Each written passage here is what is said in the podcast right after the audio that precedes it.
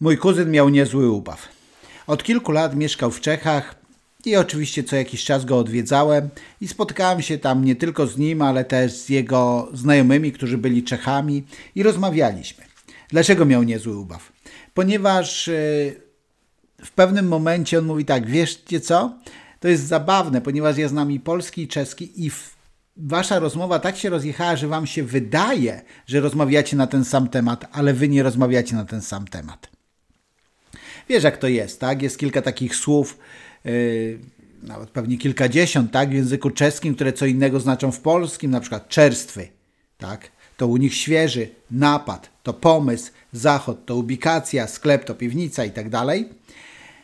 Dlaczego o tym mówię? Nie, nie będę uczył teraz polsko-czeskiego ani żadnego innego. Chcę tylko powiedzieć, że tak samo jest w relacjach międzyludzkich. Możemy być tej samej narodowości, rozmawiać z ludźmi, z którymi współpracujemy, którymi zarządzamy, którzy nami zarządzają, którzy są na równi, obojętnie, i wydaje nam się, że mówimy o tym samym. Nie, nie mówimy. Nie mówimy, ponieważ nie rozumiemy, że te same słowa yy, i pewien sposób mówienia inaczej wpływa na innych ludzi. Ja będę teraz tłumaczył, że inni są inni i że funkcjonują inaczej, mm, co pomoże nam zrozumieć. I ja wiem, że niektórzy, jak tylko to słuchają, to mówią, ale nie, to takie sztuczne, wiesz, no to wszystko jest sztuczne, jeżeli w taki sposób chcesz patrzeć, ponieważ kiedy przyszedłeś na świat, to przyszedłeś jako tabula rasa, nic nie było, nic nie umiałeś, nauczyłeś się języka, jest tak jak moi znajomi, którzy adoptowali czarnoskóre dziecko, są Polakami, mieszkają w Polsce i y, jakaś kobieta, kiedy dziecko miało kilka lat, usłyszała, jak to dziecko mówi, rozmawia z nimi i z takim zdumieniem mówi: O, nie, nie myślałam, że czarnoskóry dziecko będzie tak dobrze mówić po polsku. Jakie to ma znaczenie? No właśnie. E, I tak samo jest, rodzimy się nabywamy pewnych rzeczy i tych, do których się przyzwyczajamy, mówimy, to jest takie naturalne. Nie, to nie było naturalne, tego się wyuczyłeś. Jeżeli chcesz dogadywać się z każdym, musisz nauczyć się, w jaki sposób rozumieć to, co naprawdę mówią inni i w jaki sposób mówić tak, żeby oni zechcieli Ciebie zrozumieć. Więc przyjrzyjmy się jednej prostej rzeczy. Mój znajomy kiedyś miał takie zlecenie, tak, ktoś do niego tam zadzwonił, mówi, że a polecał mi tutaj znajomy, że pan świetne szkolenie tutaj z komunikacji prowadzi, więc ja proszę, żeby pan przyjechał do mojego zespołu i nauczył ich e, komunikacji, bo oni nie rozumieją, co ja mówię. Mm, czujesz, jaki tu problem jest. Oni nie rozumieją, jak ja mówię. Znajomy uśmiechnął się tylko mówi, tak, oczywiście przyjadę, ale e, pan też będzie na szkoleniu. Nie, ja przecież rozumiem, co ja mówię, to oni mnie nie rozumieją no to mój znajomy stwierdził, że problem jest trochę poważniejszy niż, niż mu się na początku wydawało. Oczywiście przyjechał, poprowadził jednodniowe szkolenie, cały czas ucząc ich, e, jak rozmawiać z osobowością, jaką miał ten właściciel. I po tym szkoleniu wrócił i za jakiś czas ten właściciel zadzwonił i mówi: OK, fajnie, widzę już pierwsze efekty zmian. Proszę przyjechać na następne szkolenie i jeszcze ich douczyć, bo nie wszystko chwycili. Okej, okay, sytuacja jest prawdziwa. Natomiast e, dlaczego o tym opowiadam? Skąd mój znajomy mógł wiedzieć, jaka to jest osobowość, skoro porozmawiał z nim chwilę przez telefon? No właśnie na tym to polega. Są tacy ludzie jak ja, czy mój znajomy, którzy zajmujemy się doradztwem personalnym, rozumiemy ludzką osobowość i jesteśmy w stanie po pokazać Ci, w jaki sposób rozumieć innych ludzi. Jednym ze szkoleń, które prowadziłem, studia MBA, mm, sami przedsiębiorcy i pewien człowiek, który miał ponad 60 lat, kiedy pokazywałem te różnice osobowościowe, wstał i drżącym głosem powiedział Andrzej, bardzo Ci dziękuję za to, co tu mówisz. Być może, jeżeli ileś lat wcześniej bym to słyszał, po pierwsze ocaliłbym moje pierwsze małżeństwo, a po drugie nie pokrzywdziłbym tak mojej córki, ponieważ ja jej kompletnie nie rozumiałem, bo ona była zupełnie inna niż ja. Ok, i teraz na najprostszym przykładzie. Wśród czterech typów osobowości, jeżeli weźmiemy to najprostszą, podstawową zupełnie e, typologię osobowości, którą każdy, kto pracuje z ludźmi powinien znać, czyli dysk, dyrektywny, interaktywny, solidarny i celujący. Osobowość dyrektywna, tak? to jest taki typowy choleryk, taka osobowość szybka, nastawiona na cel. Tak? Wojciech Cejrowski, tak? Pewnie kojarzysz człowieka?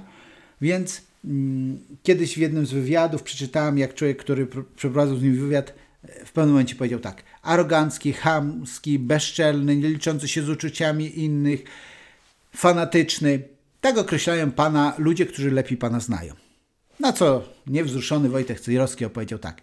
Tak, bo ja już jestem w takim wieku, że na większość ważnych tematów życiowych mam swoje poglądy i kiedy ktoś chce rozmawiać, to okej, okay, ja wychodzę, rozmawiam i czekam, aż ta druga osoba też będzie, e, jeżeli ma argumenty, niech daje argumenty, walczymy na argumenty.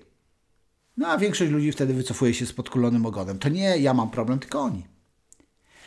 Ponieważ ja mam osobowość dyrektywną jako dominującą, więc rozumiem, o czym on mówił. Jest tak, jak w szkole średniej ćwiczyłem karate, miałem kumpla, z którym kiedy, kiedy takiego naprawdę bardzo bliskiego, z którym kiedy wchodziliśmy na matę, to kiedy rozlegał się gong, walczyliśmy przez dwie minuty, taki styl i którym uderzasz z pełną siłą. I o ile walczyłeś fair, to walczyłeś, ale uderzałeś z pełną siłą. Tak? I kiedy kończył się gong, to o ile walczyłeś fair, dalej byliście dobrymi kumplami. To była tylko walka, nic osobistego. I tak ludzie, którzy mają jako dominującą osobowość dyrektywną, tak się właśnie zachowują. Czyli nie traktują tego tak bardzo osobiście. Chcą dyskutować na argumenty. Często są mniej pewni niż nam się wydaje. Pamiętam jak nieraz e, jako dziecko tak wychodziliśmy na podwórko, ponieważ ta osobowość charakteryzuje się tym, że jest szybka, nastawiona na cel. Wchodziliśmy na podwórko, mieliśmy jakieś e, to nie wiem, jedni chcieli jeździć rowerami, inni biegać, ktoś grać w piłkę, no ale tak nikt nie był zdecydowany. Ja na przykład mówiłem, dobra, chodźcie grać w piłkę. No i wszyscy szli za mną grać w piłkę. Zaczęliśmy grać w piłkę, nagle połowa odchodzi, bo oni nie chcieli. Ja mówię, jak nie chcieli? Przecież chcieli, przecież szli. No właśnie.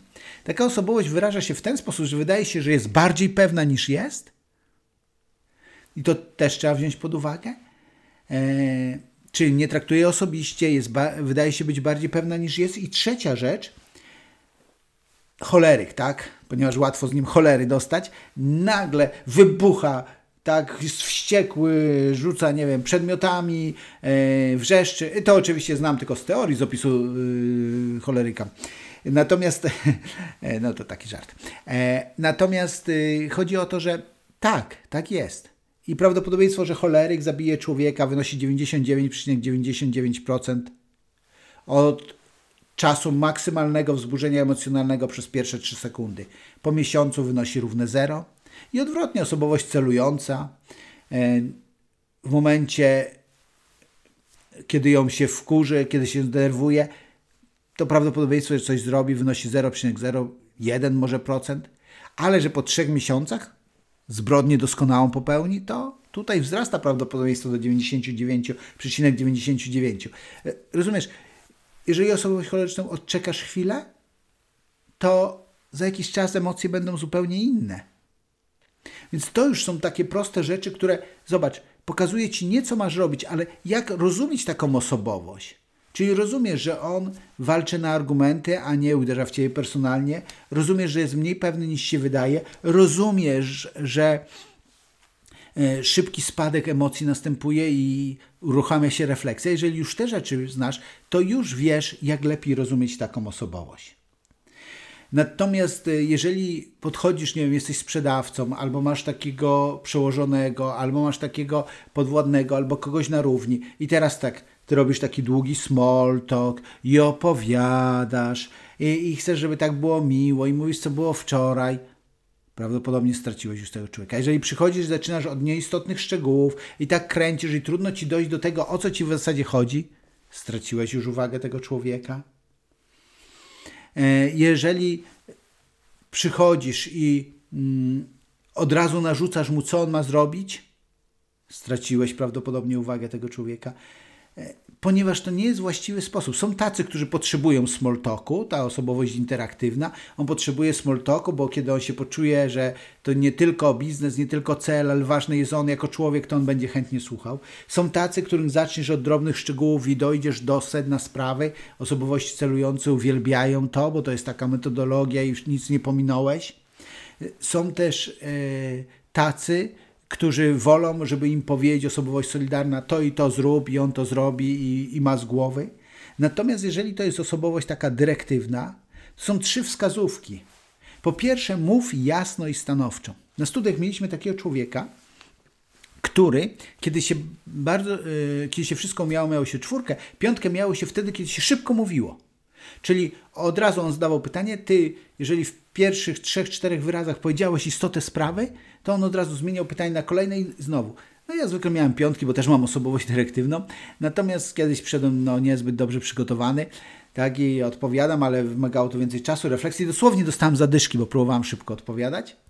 I w pewnym momencie mówię, przepraszam, możemy trochę wolniej? I on taki zdegustowany, możemy, ale już tak dobrze szło. No właśnie, ponieważ osobowość dyrektywna jasno i stanowczo od razu istotę sprawy przedstawiasz. Druga rzecz, pomóż mu osiągnąć jego cele. Każdy lubi osiągać swoje cele. Nieprawda. Albo prawda. Tylko osobowość dyrektywna lubi osiągać swoje cele zawodowe i dla niego to, że on jest ekspertem, to, że on czegoś dokonał jest ważne, ale są tacy ludzie, na przykład osobowość solidarna, czy tak e, flegmatyczna, którzy celem jest, żeby się nie spocić, w cudzysłowie oczywiście. E, czyli chodzi o to, żeby ktoś im powiedział, co mają zrobić, oni to zrobią i jak zrobią, zrobią to dobrze, poprawnie, ale potem mają święty spokój. Tak? Czyli musisz zrozumieć, jakie są jego cele. On chce być ekspertem, on chce czegoś dokonać, chce, e, żeby chwalono jego dokonania, więc pozwól mu osiągnąć jego cele. A czasami, jeżeli to jest na przykład twój podwładny i to nie on decyduje, ale ty, to na przykład pokaż mu opcję i pozwól mu wybrać. Którą z tych opcji wybierze, porozmawiajcie o tym, że tak zwany pozorny wybór, pozorny, no bo nie ma nieskończonej ilości rozwiązań, ale pokazujesz mu, że jakieś opcje ma i żeby z nich wybrał, tak?